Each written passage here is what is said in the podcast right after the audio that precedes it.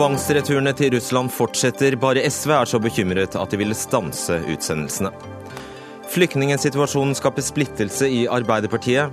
Vi må bruke hjertet, sier partiveteran, mens Nordlys-kommentator mener Arbeiderpartiet forsøker å gjøre alle til laks, og blir avslørt.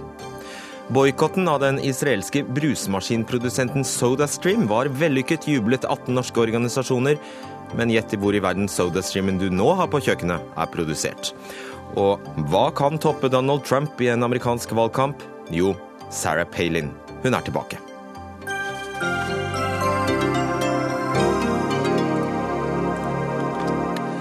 Og dermed er ukas siste Dagsnytt 18 i gang. I studio Fredrik Solvang. Ja, Samarbeidspartiene KrF og Venstre, Arbeiderpartiet og Senterpartiet avviste i dag SVs forslag om en pause i utsendelsene av asylsøkere til Russland.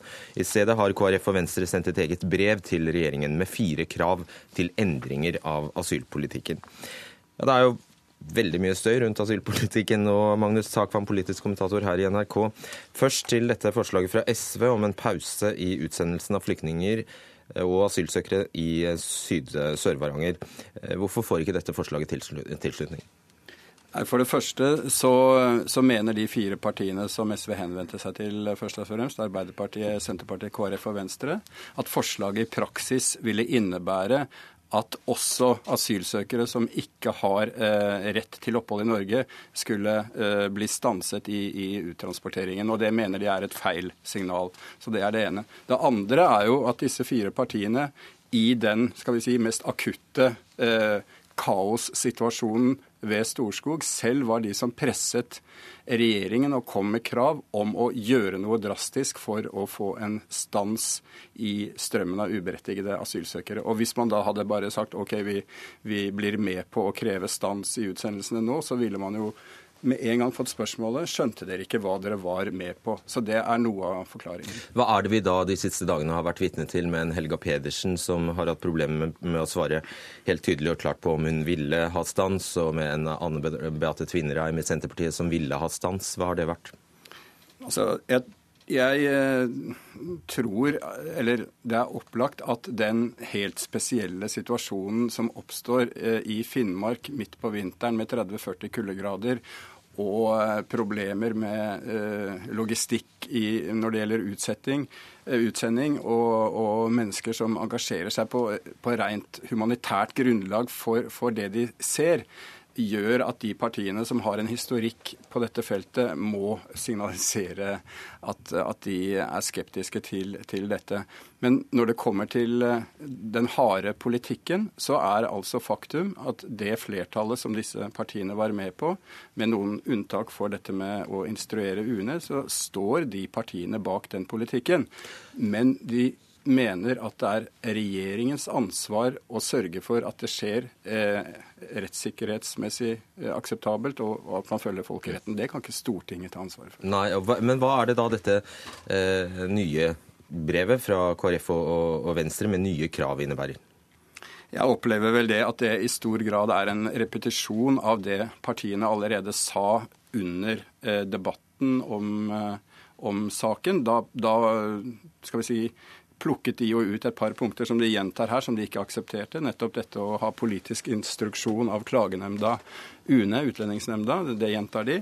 Og selvfølgelig krav om at eh, regjeringen har ansvar for å sørge for at dette skjer på, på verdige måter, også rent humanitært når det gjelder utsendelser, og at det folkerettslige er på plass. Kan det tolkes som en erkjennelse av at eh, KrF og Venstre ikke helt forsto hva de var med på, siden de må spørre igjen? Jeg tror nok det er en eh, Det at det oppstår press i en slik situasjon, er jo krevende for disse partiene å takle, siden de var med på en så ekstraordinær stortingsbehandling og fikk kritikk av ja, f.eks. SV fra, og fra flyktningorganisasjonene for det. Eh, men eh, jeg tror nok hadde de gått tilbake på det de var med på, så, så ville, ville, kritikken ha vært desto, eller enda hardere. Særlig mot et parti, vil jeg tro, som Arbeiderpartiet f.eks. Så, så Arbeiderpartiet tror jeg ikke vurderte dette eh, i det hele tatt. Det er veldig hyggelig å ha deg her, Magnus Takvam. Men vi hadde invitert eh, flere. Vi hadde invitert både Venstre og KrF, men de kunne ikke komme. Du blir med oss videre, Magnus. for Nå skal vi snakke om at uh, som du nevnte, i løpet av de siste månedene har jo Arbeiderpartiet gått, uh, gitt sin stille aksept til en streng og restriktiv innvandringspolitikk. Anledet av Fremskrittspartiet, vil mange si. Partiet er i lang tid blitt omtalt som et av Norges strengeste innvandringspartier, altså Arbeiderpartiet, til tross for at mange i partiet nå reagerer på omstendighetene rundt de siste dagenes uh, returneringer. Ikke alle omfavner Arbeiderpartiets strenge asylpolitikk. Blant dem er du tidligere stortingsrepresentant for Arbeiderpartiet, Grete Fossum. Du mener Arbeiderpartiet må bruke hjertet mer i asylspørsmålet. Hva mener du med det? Jeg mener at eh, tiden for forlik og kompromisser, eh, når mennesker står og banker på grensene våre og er redd for sitt eget liv, så er tiden for forlikene over, og tid for handling med bruk av hjertet skal settes i gang. Og Hva betyr det konkret? Det betyr at uh, asylsøkere som har rett til å uh, komme, uh, har et begrunna behov for beskyttelse og kommer til våre grenser, de skal få sine søknader behandlet. Så det du er, altså du er helt, bare, for å ta det, du er konkret veldig imot denne instruksen som nå er gitt i, som innebærer at asylsøkere, asylsøkere som kommer over Storskog, ikke får realitetsbehandlet søknadene sine? Ja, jeg, jeg, mener at de bør behandles. Men hvis det er uh, helt uh, eksakte grunner at vi vet at de kommer fra et spesielt land som ikke er, uh, hvor de ikke er truet på livet, så skal de ikke behandles. Mm. Men de andre skal, og det står det også i forliket, de skal følge de internasjonale reglene. Og når høykommisjonæren for flyktninger ikke er helt enig i at vi gjør det, så bør vi rette oss etter det. Jeg har forstått sånn at du er skuffet over Trond Giske? Det er jeg nok, i forhold til at han ganske lett går ut og sier at uh, de høringsnotatene, de 40 punktene som kommer, de kan Arbeiderpartiet støtte seg ganske godt til. Og nå er jeg av de som har lest det ganske grundig, og jeg syns ikke at vi kan støtte oss på noe som kommer fra et parti som har et helt annet verdigrunnlag enn det vi har. Likevel, eh, du ser også at eh, Arbeiderpartiet har kappet med Frp om å være strenge i asylpolitikken eh, i lang, lang tid. Det ser jeg, og jeg er lei av å se på det. Mm. Jeg vil at de skal endre seg, og jeg vil at de skal bruke hjertet når mennesker trenger vår hjelp. Og det går faktisk så langt som å kalle ditt eget partis asylpolitikk inhuman. Det gjør jeg, og det har jeg gjort før. Det er nøyaktig 23 år siden jeg gjorde akkurat det samme. Og det var når bosnierne banket på våre grenser og ville komme hit fordi de var redd for å dø i sitt eget land. Denne kappestriden med Frp om å være strengest, hva, hvor det, vil det ende? Ja, Min spådom er at uh, det vil ende med at uh, Arbeiderpartiet mister troverdighet i forhold til at de er et solidarisk parti. Og det, det syns jeg er eh, veldig skremmende i forhold til hva vi er bygd på, og hvorfor vi har blitt et parti. Er du en ensom svale i partiet ditt, eh, Grete Fossum? Ikke etter de meldingene jeg har fått fra meget ja, veldig mange det siste døgnet. Og jeg, det viste seg jo på landsmøtet for 20 år siden at eh, jeg var ikke alene om å mene at bosnierne skulle forbli. Og jeg tror at eh, jeg ikke kommer til å være alene nå heller, når jeg sier at syrerne bør forbli i Norge. Og til slutt, eh, Den siste uka har jo da sentrale politikere i Arbeiderpartiet bedt om uh, at Sylvi Listhaug redegjør for vurderingene av Russland som et sikkert tredjeland. Er ikke dette tegn på at de gjør som du ønsker, nemlig motsetter seg deler av FrPs innstrammingspolitikk? Jeg, jeg, håper det er det, og jeg håper at uh, Listhaug uh, også setter seg inn i alle disse uh, internasjonale forpliktelsene som vi har, og ikke har som mål å kaste ut flest mulig mennesker. Det syns jeg er forferdelig å se på, og den politikken som føres i nord, den er ikke Norge verdig. Takk skal du ha, tidligere stortingsrepresentant for Arbeiderpartiet, Grete Fossum, med oss på telefon. Vi går til deg, Skjalg Fjellheim. Du er kommentator i avisa Nordlys. og I en kommentar i dagens avis skriver du at det er en pine å være vitne til Arbeiderpartiets dobbeltkommunikasjon i møte med egen asylpolitikk. Men ditt fortegn er motsatt av Fossums. Ja, eh, Det vi hører her, er at Arbeiderpartiet nå i dag eh, likevel ikke vil stanse utsendelsene eh, til Russland. Er jo et godt eksempel på hvordan Arbeiderpartiet vingler fra side til side. I går kunne vi høre Arbeiderpartiet tatt til orde for at det er nødvendig med en pause. I, dag, i pause i utsendelsene i dag vil de likevel ikke stille seg bak dette, dette kravet. Og det, det har skapt en uklarhet rundt hva som egentlig er Arbeiderpartiets linje i denne saken. Og det er ulikt Arbeiderpartiet. Jeg er forundra over, over, at Arbeiderpartiet, som vanligvis ikke åpner for omkamper i denne type saker, eh, gjør det i så stor grad. Du er forundret over at det er litt debatt i landets største parti? Nei, altså forundra over at Arbeiderpartiet ikke har en tydeligere linje. Ikke sant? Arbeiderpartiet har jo stilt seg bak et bredt stortingsflertall der hele poenget nettopp er at uh, asylsøknader for de som er kommet uh, via Russland som transittland, ikke skal realitetsbehandles så fremst ikke er fare for forfølgelse eller tortur. Og Når da regjeringa iverksetter den politikken Arbeiderpartiet sjøl har bedt om, så virker det som om Arbeiderpartiet får eh, nærmest panikk i det offentlige rom.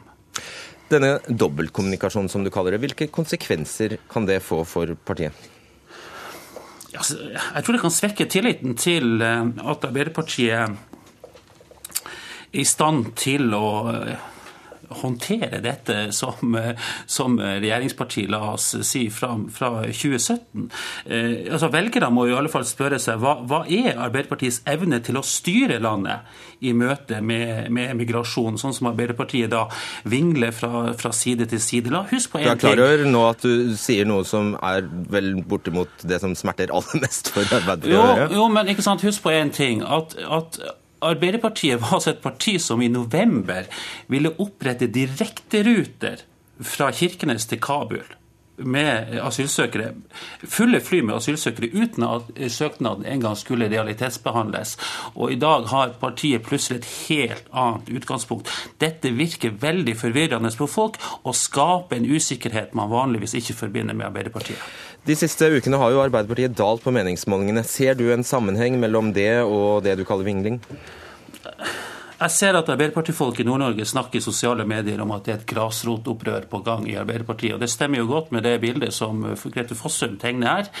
Arbeiderpartiet er i skvis mellom venstresida i sitt eget parti. Eh, stortingsgruppa som har eh, gitt beskjed om at man må gå imot sentrale punkter på denne lista til Sylvi Listhaug og frykten for at Fremskrittspartiet skal kapre velgere fra Arbeiderpartiet. Så Dette er ikke noen enkel situasjon for Arbeiderpartiet. Men jeg syns ikke at det er tillitsvekkende at Arbeiderpartiet håndterer denne saken med den uklare kommunikasjonen som vi har sett de siste dagene. Eh, bare til disse innstrammingspunktene. Hva forteller det deg at eh, Arbeiderpartiet brukte såpass lang tid på å finne ut at eh, disse innstrammingspunktene faktisk var så innstrammende? Men det er jo nå altså på et viktig punkt også skapt uklarhet. Et annet viktig punkt skapt uklarhet rundt hva Arbeiderpartiet egentlig mener. Husk på eh, Først var Trond Giske ute og sa at Arbeiderpartiet støtter de viktigste tiltakene i, som Sylvi Listhaug har kommet med for innstramning. ikke sant? Så eh, sier Arbeiderpartiet, eh, og dette gjaldt bl.a. Eh, adgangen til familiegjenforening. Og nå sier eh, Arbeiderpartiet at de likevel ikke vil være med på en tilstramming i kriterier for eh, permanent opphold og betingelser for familiegjenforening. Altså det migrasjonsforskere mener de aller viktigste grepene for å begrense asylinnvandring til Norge. Så, så, spørsmålet blir jo kan velgerne vite hvor de har Arbeiderpartiet i, i en så stor og epokegjørende sak for, for landet? Og vi skulle selvfølgelig hatt noen fra Arbeiderpartiet her til å svare på det spørsmålet. Det får vi ikke anledning til fordi ingen kunne stille. Takk skal du ha, Skjalg Fjellheim. Magnus Sakvam, eh, la oss ta tak i det siste som Fjellheim eh, her eh, snakker om. Er det, Har Arbeiderpartiet et troverdighetsproblem? Er det så fundamentalt, dette her?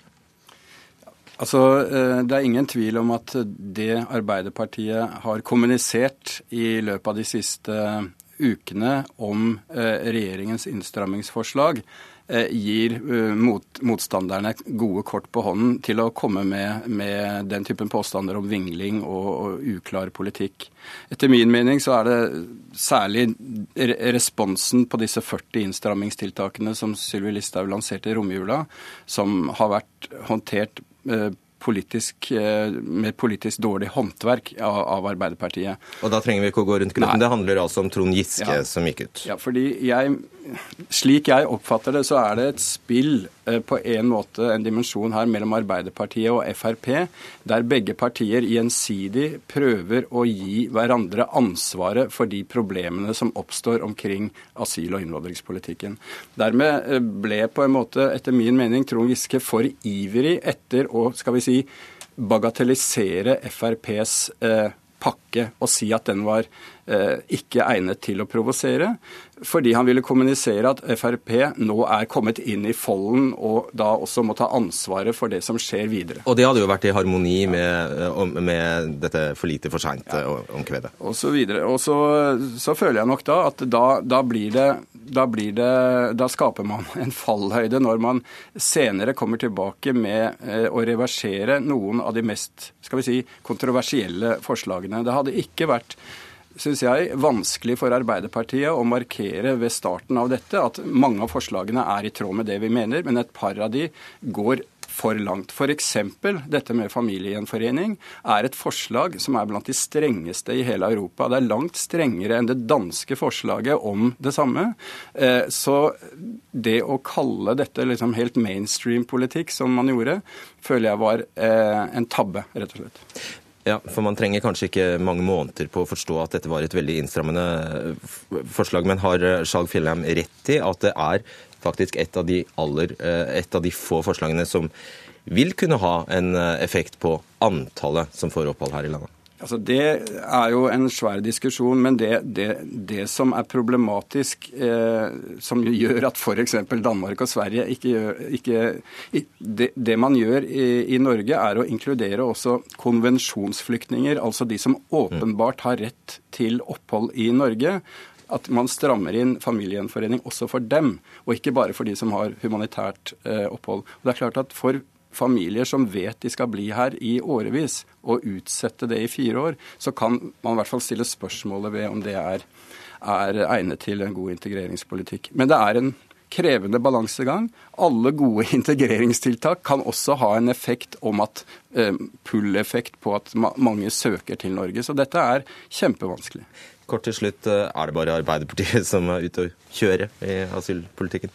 Nei, Jeg var jo inne på det at det er en, eh, en eh, konflikt Arbeiderpartiet-Frp her. Og jeg føler nok at Frp nå, når de skal vi si, går i strupen på dette som er liksom Arbeiderpartiets vingling eller, eller justering av politikken, så føler jeg de overspiller og liksom Eh, gjør det umulig å ha en saklig, eh, vanlig kritisk eh, debatt om vanskelige spørsmål, fordi de sier at all justering av dette er et signal utad til, til verdens flyktninger om å komme til Norge. Og da, da føler jeg at debatten blir for, for polarisert og for useriøs.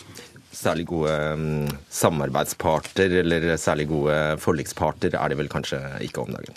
Nei, forlik har jo fått en litt spesiell klang, vil jeg si. Kan man si. Takk skal du ha.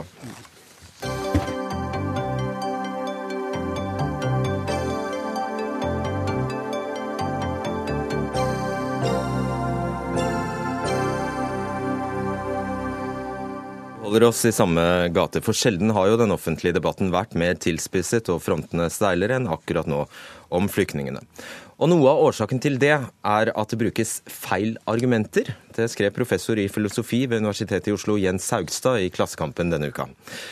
Du Saugstad hevder at debatten er preget av det som i ditt univers kalles privatmoralske argumenter, men som eh, for oss andre kanskje kunne kalles rett og slett moralske argumenter.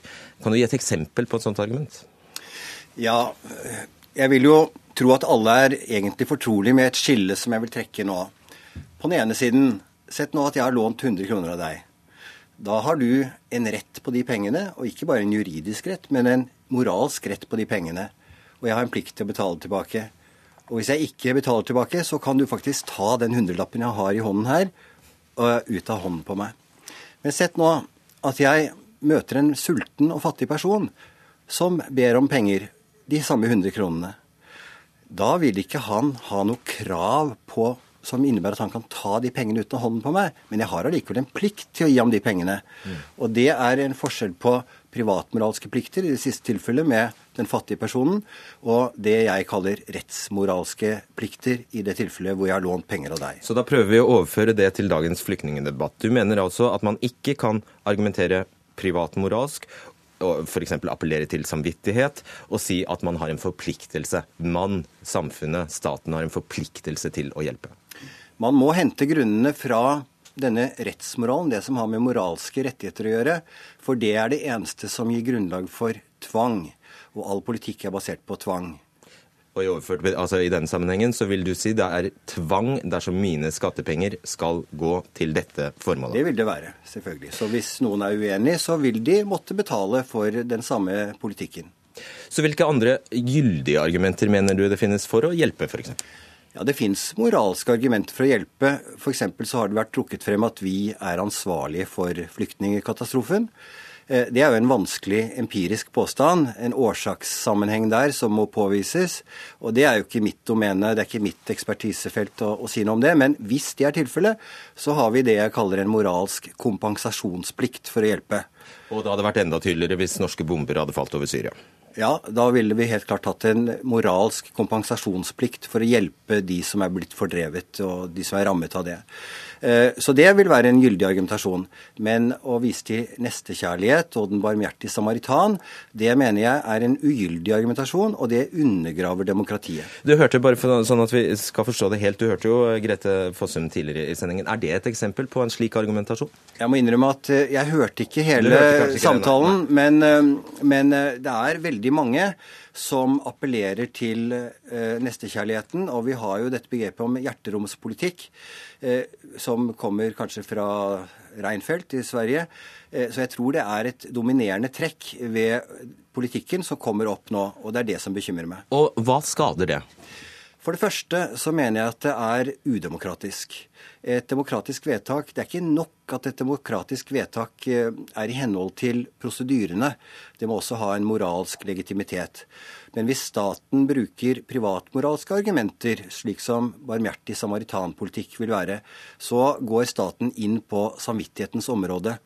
Og det kan vi sammenligne litt med at man skulle gi religiøse begrunnelser for lover.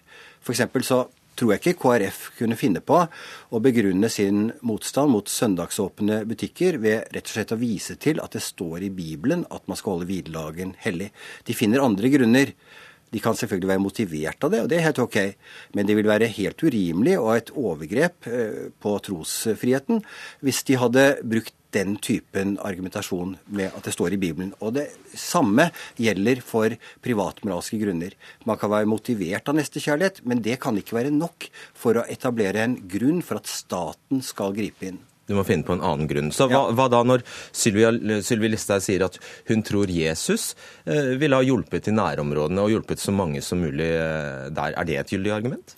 Nei. Eh, jeg så den debatten mellom henne og biskop Helga Byfuglin, og jeg kvakk litt eh, og syns det var eh, litt rart at hun eh, gikk inn på å spekulere på hva Jesus ville gjort, og etter mitt skjønn er det totalt irrelevant for hva staten Norge skal gjøre. For det er veldig privat uh, moralsk? Ja, for da er det i tillegg også noe religiøst i det. Og da mener du, hva oppnår vi hvis vi skiller dette så skarpt som du vil ha det, ha det mellom altså privatmoralske og rettsmoralske argumenter? Ja, For det første så vil vi opprettholde demokratiets ånd, og det er jo en veldig viktig oppgave for politikerne. Og vi vil slippe misforståelser av veldig viktige institusjoner i det norske samfunnet, sånn som velferdsstaten. Hvis man tror at velferdsstaten er bygget på nestekjærlighet, så risikerer man å blande sammen eh, velferdsstat og privat veldedighet og ikke se forskjell på det. Og det kan være slutten på velferdsstaten. Og i tillegg så er det klart at eh, denne typen moralsk argumentasjon den skaper et veldig eh, betent meningsklima. Det er jo ingenting som er så disponerer så sterkt for fanatisme i politikken som moralske argumenter. Det måtte da i så fall være religiøse argumenter. Sånn at folk eh, slipper ikke til så lenge den ene siden mener at den har moralen på sin side. Så jeg tror at det ville være mye bedre hvis vi tok en mer avslappet holdning til begrunnelsen, og så humanitær bistand mer som et spørsmål om eh, klokskap. At det er klokt av Norge å gi humanitær bistand, for vi vet aldri når ulykken vil kunne ramme oss. Det er et argument som eh, du mener er gangbart, hvis vi sier at Det er gangbart. å hjelpe krigsflyktninger er lurt og smart fordi vi selv kan bli det en dag. Det tror jeg er eh, egentlig den beste argumentasjonen for humanitær bistand, og at vi gjør klokt i å droppe den moralske, indignerte argumentasjonen. Vi får se da, Jens Austad, om disse noen av meningsbærerne tar det, tar det til seg. Takk skal du ha. Takk skal du ha.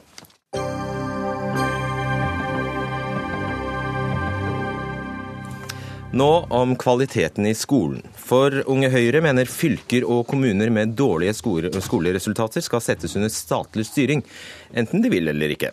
Det er store forskjeller i kommunene mellom, og nå vil Unge Høyre at staten griper inn der det står dårligst eh, til. Mathilde Tybring-Gjedde, du leder Unge Høyres mm. skolepolitiske utvalg, og til Dagsnytt her i NRK i morges sa du at det er udemokratisk å la barn og unge gå på skolen uten å lære det de skal.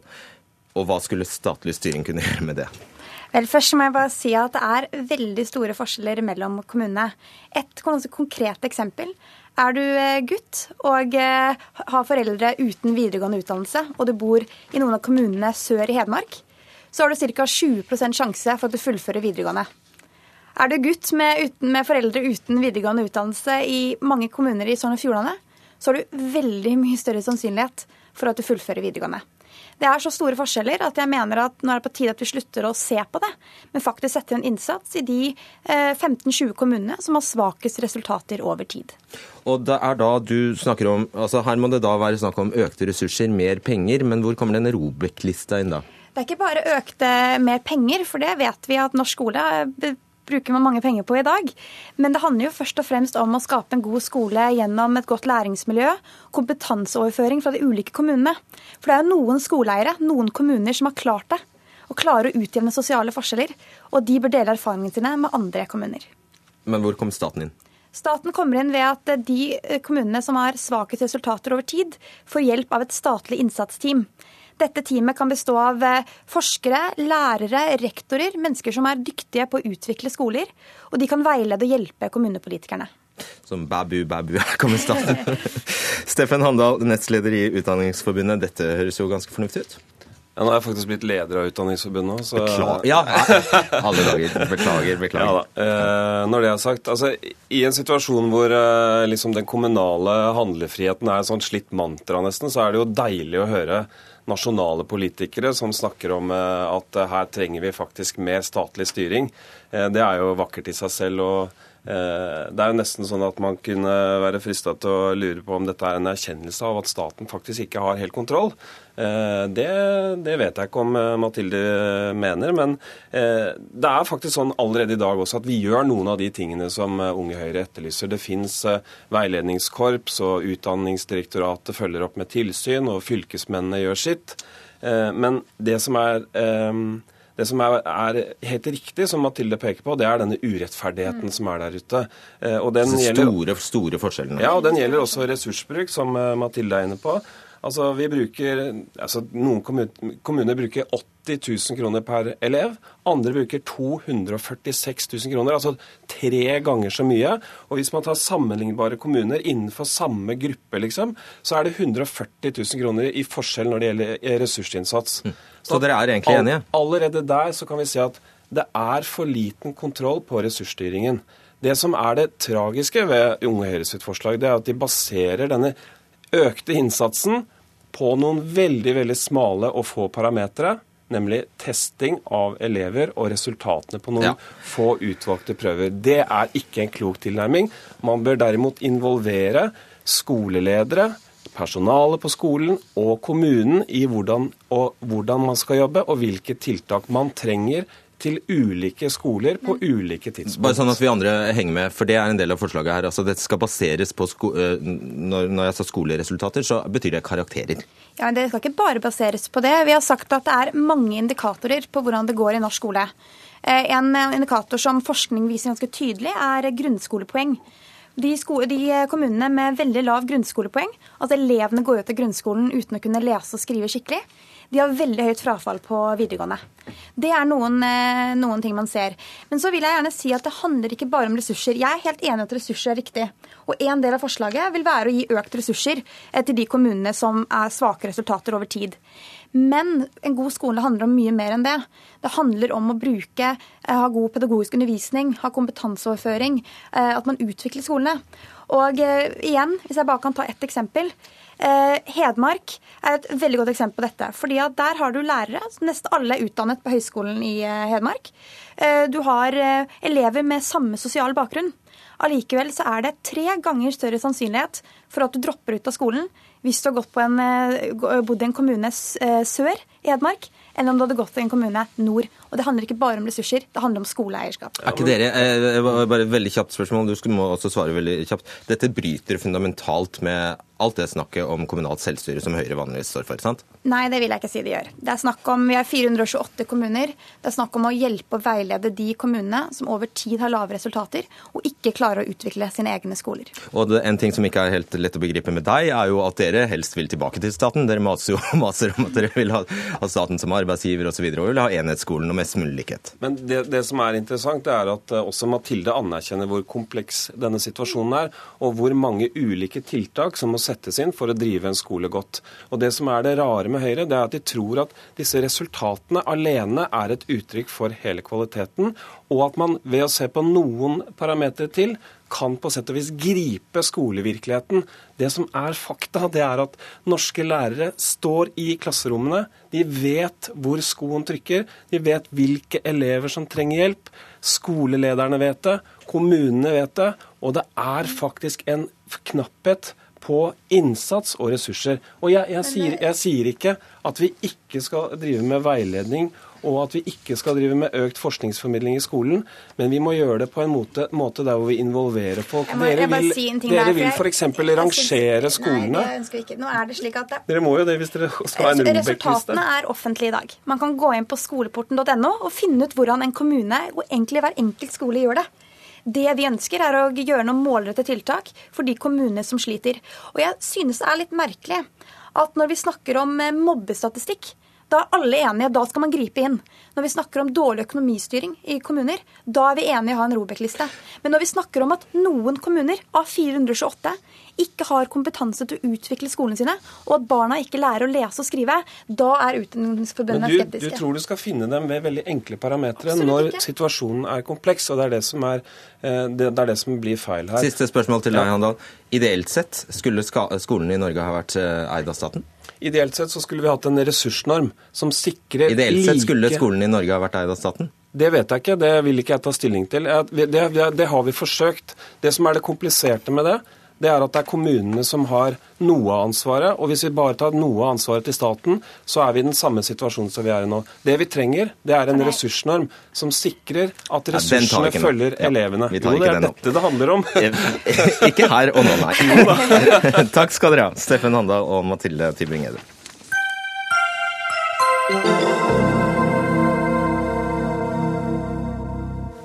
18 norske organisasjoner jublet over at den israelske brusmaskinprodusenten SodaStream, kanskje har du en sånn hjemme, i fjor flyttet virksomheten vekk fra okkupert palestinsk område på Vestbredden. Boikotten var verdensomspennende og startet i 2012. Men nå viser det seg at uh, SodaStream-maskiner som selges i Norden og i Norge, er produsert i menneskerettighetsparadiset Kina. Katrine Jensen, leder av uh, Palestina-komiteen. Din organisasjon var en av de 18 som støttet uh, aksjonen La boblene briste, boikott SodaStream, og dere hevdet uh, da at dette var en seier. Uh, kan du forklare hva, hva besto seieren i? Seieren består i at man har klart å presse SodaStream til å flytte virksomheten sin ut fra okkupert område. Det er brudd på folkeretten å etablere industrielle soner på eh, okkupert land. Eh, det samme er det å etablere bosettinger. Disse eh, SodaStream bidrar da til å opprettholde disse bosettingene med å ha virksomhet der. Ja, og da glemte jeg å si at Dette er jo et israelsk eh, selskap som har fabrikker flere steder i, i, verden. og Vi har vært i kontakt med SodaStream i dag. De hevder jo da at det ikke var årsaken til at de flyttet. Det må de gjerne hevde. Vi er uansett eh, fornøyd med at de har flytta eh, den produksjonen ut fra okkupert område. Mm. Så er det altså slik da at uh, de SodaStream-maskinene som selges i Norden og Norge, nå produseres i Kina. Ser du noe paradoksalt ved det? Nå er det sånn at Menneskerettighetsbrudd i Kina ikke betyr at man skal lukke øynene for Israels menneskerettighetsbrudd. Så jeg mener at man kan ikke eh, la være å gjøre noen ting fordi det foregår gale ting andre plasser også. Men blir ikke spørsmålet i menneskerettighetenes og i folkerettens navn, hva har dere oppnådd? Nå er det sånn at, ja, sånn at Palestinakomiteen eh, forholder seg til palestinske anliggende. Eh, og har ikke kapasitet til å rette søkelys mot menneskerettighetsbrudd overalt i verden. Men dere bryr dere om det? Selvfølgelig bryr vi oss om det. Uh, Petter Melsom, du er nestformann, heter det da fremdeles, i Fremskrittspartiets uh, Ungdom. Og dere var jo selvfølgelig imot denne boikotten da den uh, skjedde. Hva vil du si nå, etter at den er over og fabrikken flyttet? Det jeg vil si om denne boikotten, er at den for det første så har den gått utover vanlige mennesker. Jeg var nylig og besøkte den israelske ambassaden, der de fortalte om denne fabrikken. Og det de kunne fortelle, var at denne fabrikken hadde om lag 700 ansatte der hvor et flertall var palestinere. Eh, de palestinerne har jo nå mista jobben. De lønningene som de fikk på den fabrikken, det var altså tre ganger så høye som lønningene i andre nærliggende bedrifter. Og Det viser jo at eh, konsekvensen av boikott ikke er det som Palestinakomiteen ønsker å oppnå, eh, og det som er å påvirke staten Israel. Det gjør de ikke i det hele tatt. Det de gjør, det er å lage livet vanskeligere for vanlige mennesker på begge sider av konflikten, både i Israel og i Palestina. Spurte dere disse 700 arbeiderne om boikott var et ønsket virkemiddel fra dem?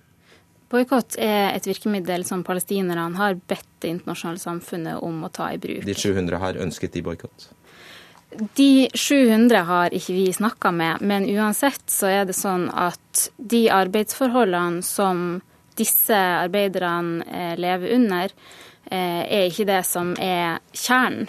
Nei, og saken er jo veldig mye større enn 700 ja, ja, ja, palestinske arbeidere. Altså. Ja, men svar på det. Du, det skjønner du. Selv du skjønner det, at denne saken er veldig mye større enn 700 arbeidere. Ja, selv, bortsett fra at du sier at selv jeg måtte skjønne det, så forstår jeg, jeg, forstår, jeg, jeg forstår det, ja. Men det som er poenget her, er at vi kan ikke ha en boikott bare fordi det er gøy. Eh, og jeg har sett videoklipp eh, som er laget av en israelsk media fra den fabrikken, hvor de intervjuet flere av de som jobbet der. Og de fortalte det at de trivdes veldig godt med å jobbe der, helt uavhengig om de var palestinere, kristne eller eh, israelere. Eh, og da kan vi jo bare ta det til etterretning at de som jobbet der, hadde gode lønninger. Eh, de hadde et godt liv. Det har de ikke nå lenger pga. en boikott som har ført til at fabrikken har blitt flyttet til, som du kalte det, menneskerettighetsparadiset Kina. Da, hva mener du da har skjedd, hvis produksjonen da havner i et land som også er en okkupant, og som også påvis, påviselig bryter menneskerettighetene? Jeg mener at eh, det er veldig vanskelig for meg å, kommentere konkret hva som er resultatene. Men det er i hvert fall veldig lett å konkludere med at det er ikke så veldig mye som er eh, oppnådd. Kanskje snarere tvert imot. Så har jeg også lyst til å si det at eh, om boikott generelt, så er kanskje boikott absolutt det motsatte av det det internasjonale samfunnet burde jobbe for i konflikten Israel-Palestina. For det som er tilfellet, er at for veldig, veldig mange palestinere så er det eneste bildet de har av israelere, det er soldater som kanskje banker på døra deres og lurer på om de har gjort noe gærent. Og for mange israelere så er det eneste bildet de har av palestinere at det er terrorister som ønsker å drepe dem. En slik arbeidsplass der hvor folk møtes uavhengig av bakgrunn, er jo nettopp det som trengs. At folk kan møtes, ha en dialog. Det skaper fred. Og jeg tror heller ikke at arbeidsledighet bidrar veldig bra i prosessen heller. Det er lett å sitte her i Norge og peke på dem og si at det her er det snakk om prinsipper. Vi skylder palestinerne å være pragmatiske.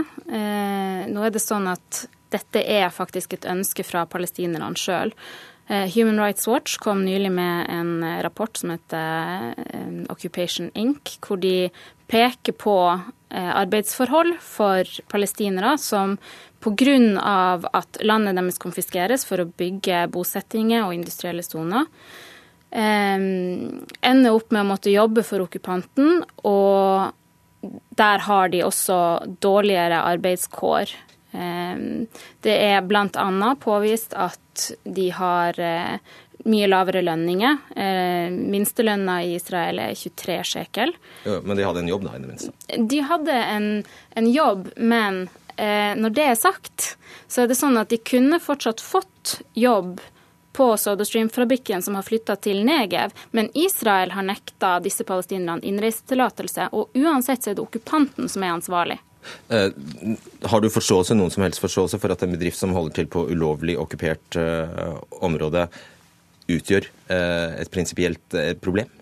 Du, jeg tror man skal ta utgangspunkt i eh, mennesker og hva det har skal si for vanlige menneskers liv. Eh, og det som er tilfellet her, er at det er veldig mange palestinere som hadde gode lønninger, som nå har mista jobben.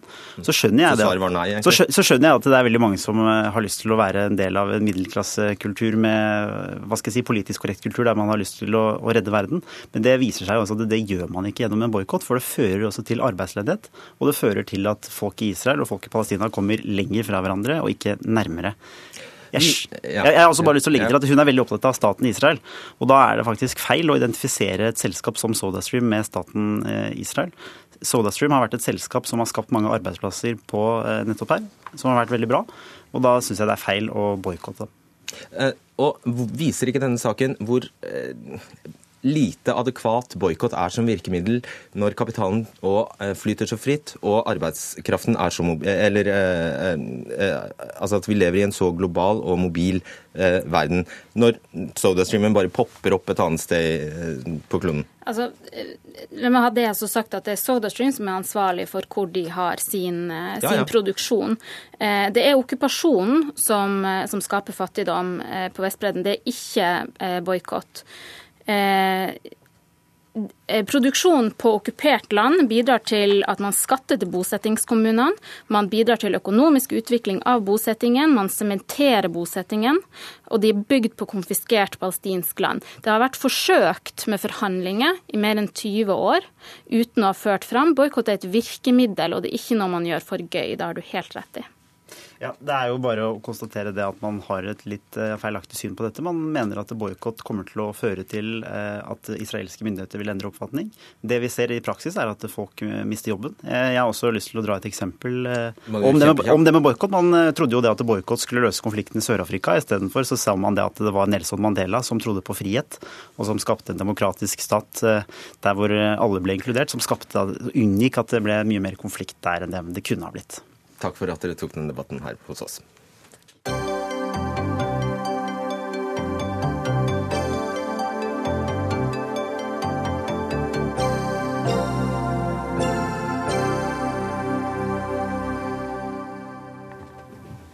Bare 13 dager før nominasjonsprosessen starter i USA, trår Sarah Palin til og støtter presidentkandidat Donald Trump. Palin er jo tidligere guvernør i Alaska, visepresidentkandidat i 2008 og en favoritt på grasrota i det republikanske partiet. Og Vi skal nå høre hva Palin sa da hun tirsdag lanserte sin støtte til Trump. He is from private sector, not a politician. Can I get a hallelujah? You know that he doesn't get his power, his high, off of opium, other people's money. Like a lot of dopes in Washington do. They're addicted to opium, where they take other people's money and then their high is getting to redistribute it. God bless you. God bless the United States of America and our next president of the United States, Donald J. Trump. Ja, Hun sa vel nesten her at mange politikere i Washington er narkomane. Hun sa at uh, Donald Trump ikke ruser seg på andres penger, slik som uh, dophuene i Washington gjør. Hun sa også i denne samme talen at uh, resten av kandidatene har båret den politiske korrektheten som en selvmordsvest med bomber.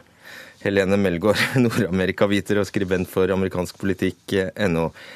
Ja, for flere av oss så kan jo det hun sier høres helt komisk ut.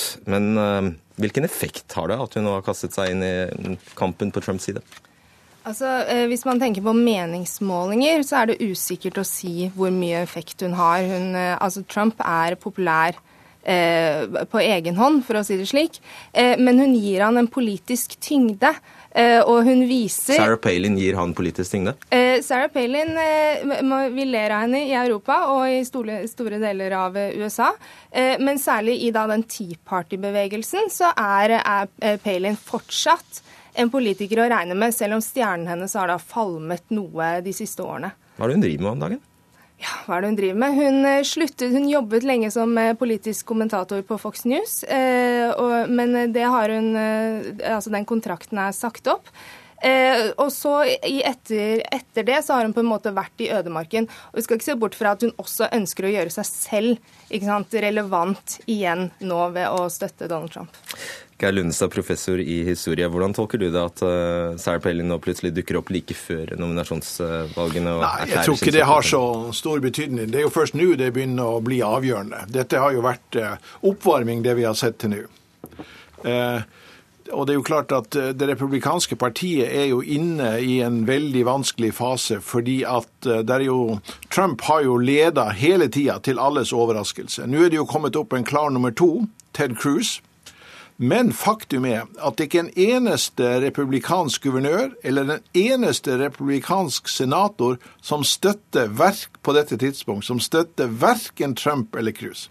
Sånn at establishment er helt imot begge de to ledende kandidatene. Og det er klart at dette er en enorm utfordring for partiet, og det kan gå galt.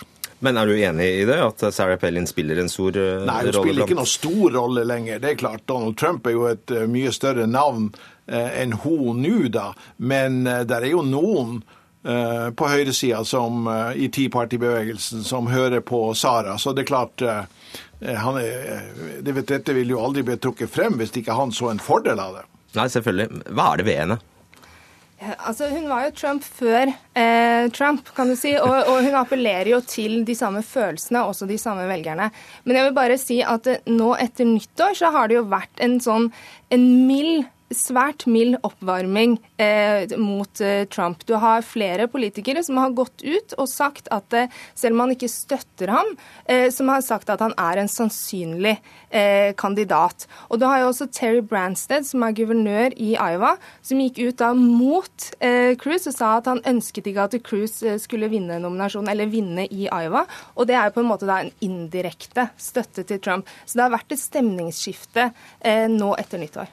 Eh, Palin, for å komme tilbake til henne, støttet jo eh, Cruz eh, i hans senatskampanje i Texas i 2012. Har hun forklart, Må hun forklare det? Er det noen som lurer på hvordan et sånt skifte kunne foregå? Eh, ja, det er klart. Det er vel noen som lurer på det, da. Men jeg tror ikke Sarah Palin kommer til å bli noen viktig faktor i dette. Det var det øyeblikket da hun kom ut og støttet Donald Trump, og, og det er det. Det er klart, eh, Donald skal jo ikke ha noen som eh, tar søkelyset fra han, altså som eh, han må dele oppmerksomhet med. Det, dette dreier seg om han, da. og det mest interessante nå er jo at han og Ted Cruz, som jo har hatt et ganske godt forhold til hverandre, de har ikke de har liksom begge lagt godt an og har ført, ikke ført noen kamp seg imellom. Nå er det jo brutt ut en sånn ja, en halv krig mellom dem, da. Og nå sitter jo de andre da og venter. Hva blir utfallet? Når de to ledende har gått til krig med hverandre, da har kanskje vi en sjanse. For det overraskende har jo vært at ingen har sluppet til. Det er jo ingen som har hørt om Jeb Bush. Han ligger jo langt nedi der.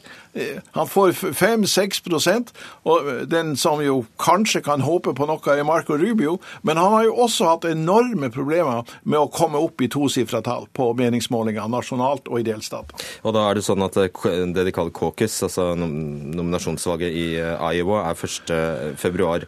Eh, og da går altså startskuddet for, for både demokratene og republikanernes nominasjonskamp. Eh, hvis vi, ser, hvis vi bare et øyeblikk snakker om demokratene. Nå er det altså sånn at Bernie Sanders har seilt forbi Hillary Clinton? Ja, så vidt. Eh, og, og, man kan jo, altså Dersom Bernie Sanders nå vinner i Iowa, eh, så kan jo det ha en viss effekt eh, på, på, presidentvalgkampen. Men Hillarys støtte nasjonalt sett eh, er mye stødigere enn Bernie Sanders sin støtte. Eh, om han vinner nå i Iowa og, og vinner i New Hampshire, så kan man se for seg kanskje eh, en, en sånn dominoeffekt. For da vil media, altså medias søkelys eh, peke mot Sanders, og, og, han vil få langt større oppmerksomhet og mye større da name recognition, som det heter. Men, men Hillary står sterkere nasjonalt sett. Og Da ligger det et paradoks i begge leirene, eh, Lundestad, nemlig det at de som har størst mulighet i selve valget, da ikke når fram i nominasjonen, øyensynlig til nå. Det vil jo være en bombe om uh, Sanders klarer å slå Hillary. Uh, han kan Altså, i Iowa spriker jo meningsmålingene. der er jo, Jeg så jo på dagens nye målinger, så er det én som Bernie Sanders leder på, og én som Hillary leder på, så det er uavklart i Iowa. I New Hampshire, som jo er nabostaten til Vermont, som Sanders kommer fra, der kan jo Sanders utmerket godt vinne. Og det er klart, hvis du vinner New Hampshire, så skaper det en, som det ble sagt her, en eh, positiv virkning. Men så beveger hele valgsirkuset sørover. Og det er klart, i sørstatene der har ikke Bernie Sanders noen sjanse. En sosialist som Bernie Sanders. Eh, demokratisk sosialist, det høres ikke bra ut i uh, sørstatene. Og Hillary hadde jo et godt svar på dette, at uh, altså Skandinavia som modell det er jo Bernie Sanders har jo snakka om som Skandinavia som modell, men Hillary sa jo bare at husk, USA er ikke Danmark. Ja. Ja, Som om Danmark var skjellsord. Men uh, altså, Republikanerne river seg jo håret om dagen. Hvem er den største trusselen for partiet, Cruise eller uh, Trump? Ja, det er et godt, godt spørsmål. Men, men, slik det ser ut nå, helt utrolig nok, så, så kan det se ut som Cruise er enda mer mislikt enn en eh, Trump, som vi ser på uttalelser bare den siste uken. Altså Man skal ikke undervurdere hvor mye man misliker, altså eliten i partiet misliker Cruz. Cruise. Han har vært altfor oppesen, og han har, eh, han har satt grupper opp mot hverandre, og han har snakket mot lederen i det republikanske partiet. Så per i dag, altså 22.1.2016, så kan det se ut som eliten i det republikanske partiet heller ønsker seg da en djevel som man ikke kjenner, enn en djevel som man kjenner, som er da Cruise. Og helt til slutt, kan Donald Trump bli USAs president? Altså, Ingenting er jo helt umulig, men jeg, jeg tror jeg vil si at det er usannsynlig at Donald Trump eh, blir USAs neste president. Du nikker? Jeg er enig. Ok, vi får se. Takk skal dere ha, Geir Lundstad og Helene Megård.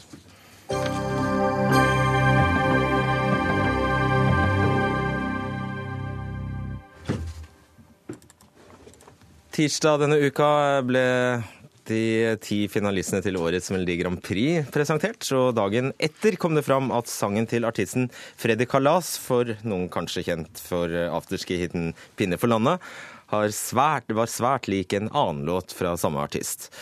Til tross for at alle MGP-bidrag må være 100 original, originale, får Freddy Kalas fortsette i sangkonkurransen. Betingelsen var at han skrev et nytt refreng til låta på ett døgn. Stemmer ikke det, Stig Karlsen, du er prosjektleder for MGP? Det stemmer. Og det dette handler om, er jo har Fredrik Kalas og eh, hans låtskriverteam juksa? Mm. Eh, vi eh, har konkludert etter en totalvurdering at de eh, ikke har juksa. De har ikke gjort dette med overlegg. Eh, de har forklart... Det bare ble sånn? Det, denne låta er ikke prikk lik. Det er et, eh, hele låta uh, er ganske ulik. Og så er det et parti på 15 sekunder, et refreng, som er uh, ganske likt. Uh, og det er jo deres dømmekraft her som har vært dårlig. De har, Sånn de jobber med låter, kaster ideer rundt, så har de blitt for like seg sjøl i det refrenget. Hva var det? Altså, han, sier, han sier da selv at uh, han ville bare brøsje på en Han kjente egentlig ikke reglene, det er egentlig det han sier? Tror, uh, den, uh, det, det, her er De ville levere en helt ny låt, men den ene biten er rett og slett blitt for lik. Og da ga du han beskjed. Gå tilbake, skriv et nytt refreng. Og nå skal vi høre hvorvidt han skrev et nytt refreng.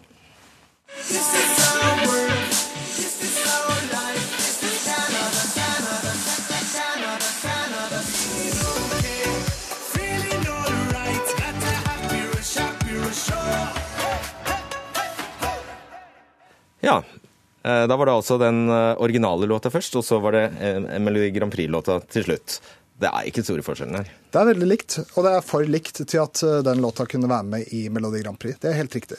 Så eh, hvor lik er den nye?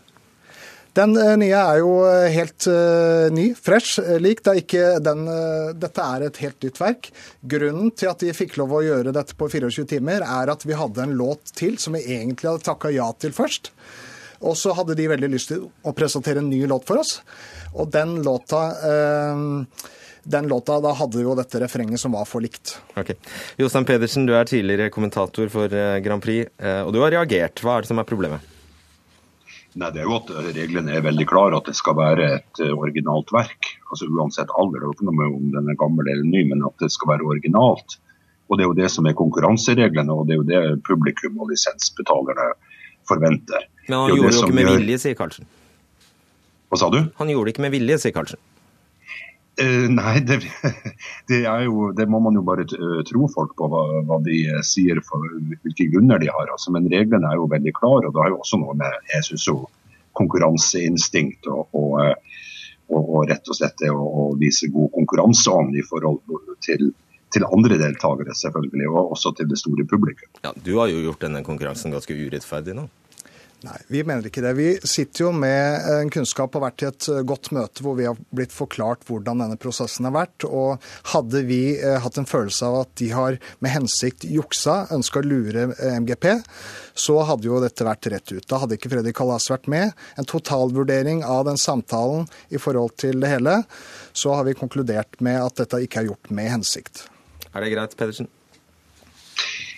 Ja, altså det høres for så vidt veldig greit ut. og det er jo NRKs privilegium til å gjøre stort sett akkurat hva de vil med sin egen konkurranse. Men man har jo da et regelverk og man har et stort publikum som jeg tror man, man faktisk må vise en viss ydmykhet for og, og, og respekt for her. Fordi at uh, det er jo, og Ære være dere at dere har fått Freddy Kalas med på dette. her, Det syns jeg er veldig artig. fordi at eh, Han er jo et tidsbilde på den moderne popmusikken som fyller hitlistene og radiokanalene våre i dag. Men det er jo noe med at det er en uh, melodikonkurranse, og det er ikke en artistkonkurranse. Altså I dag klokken 20 så er det premiere på Idol på TV 2. Der er det artistene. Og Stakkars oss altså, som må høre på så mange mange versjoner av alle disse sangene vi har hørt før. Og det slipper vi i Melodi Grand Prix, fordi vi er trygge på at det er et originalt verk som opphavsmenn og opphavskvinner og artist i fellesskap har arbeidet med i månedsvis og månedsvis. Og nå får vi høre at han har brukt 24 timer på å lage et nytt refreng på en låt som egentlig eksisterer fra før. Jeg syns det blir litt pinlig, og jeg syns det er eh, å vise litt uh, dårlig ydmykhet overfor både publikum og medkonkurrenter. Altså, her er det en artist som eh, er utrolig god på å skrive hitlåter. Har levert oss to låter. De hadde først sagt ja til én låt, og så kom de på med en annen låt som de eh, heller ville gjøre. sånn at den, eh, disse har jo vært eh, tatt opp mot vurdering mot de tusen andre låtene vi har fått inn, og de har ligget helt i toppsjiktet, begge låtene. Grunnen til at de fikk 24 timer på seg til å skrive et nytt refreng, var fordi vi allerede visste det lå en annen låt der, og de ønsket veldig gjerne å eh, rydde opp og levere denne fullverdige låta med nytt refreng. Klarte de det, så skulle den låta få komme videre, på grunnlag av at dette ikke var hensiktsmessig juks. Dette var en klønete greie, og dømmekraften deres var så dårlig på at disse låtene ikke eh, At rett og slett eh, hvor like disse låtene var. Tror du... Nå må du slutte, Karlsen. Altså, du må ikke skylde på artisten og si at hans dømmekraft var dårlig. Det er jo pinlig av NRK vi ikke oppdager dette plagiatet fra første dag. Er... Og Riktignok så er det jo regler for, i Tono hva som er et plagiat, altså rent matematisk. Jeg tror det skal være noe sånt som okay. eh, etterfølgende eh, noter i fire takter eller et eller annet sånt. Svar kort på det. Det er helt umulig å ha oversikt over alle låter i verden. Det det og Jan Fredrik Karlsen og Stig Karlsen har ikke vært så mye på russetreff i 2011. Sånn er det med den saken. Eh, de må i hvert fall i det minste følge med på norsk popmusikk. Det gjør vi. Takk skal dere ha, Jostein Pedersen og Stig Karlsen. Og dere satte punktum for denne Dagsnytt 18-sendingen som Gry Veiby hadde ansvaret for. I teknikken satt Finn Lie, og i studio Fredrik Solvang. God helg.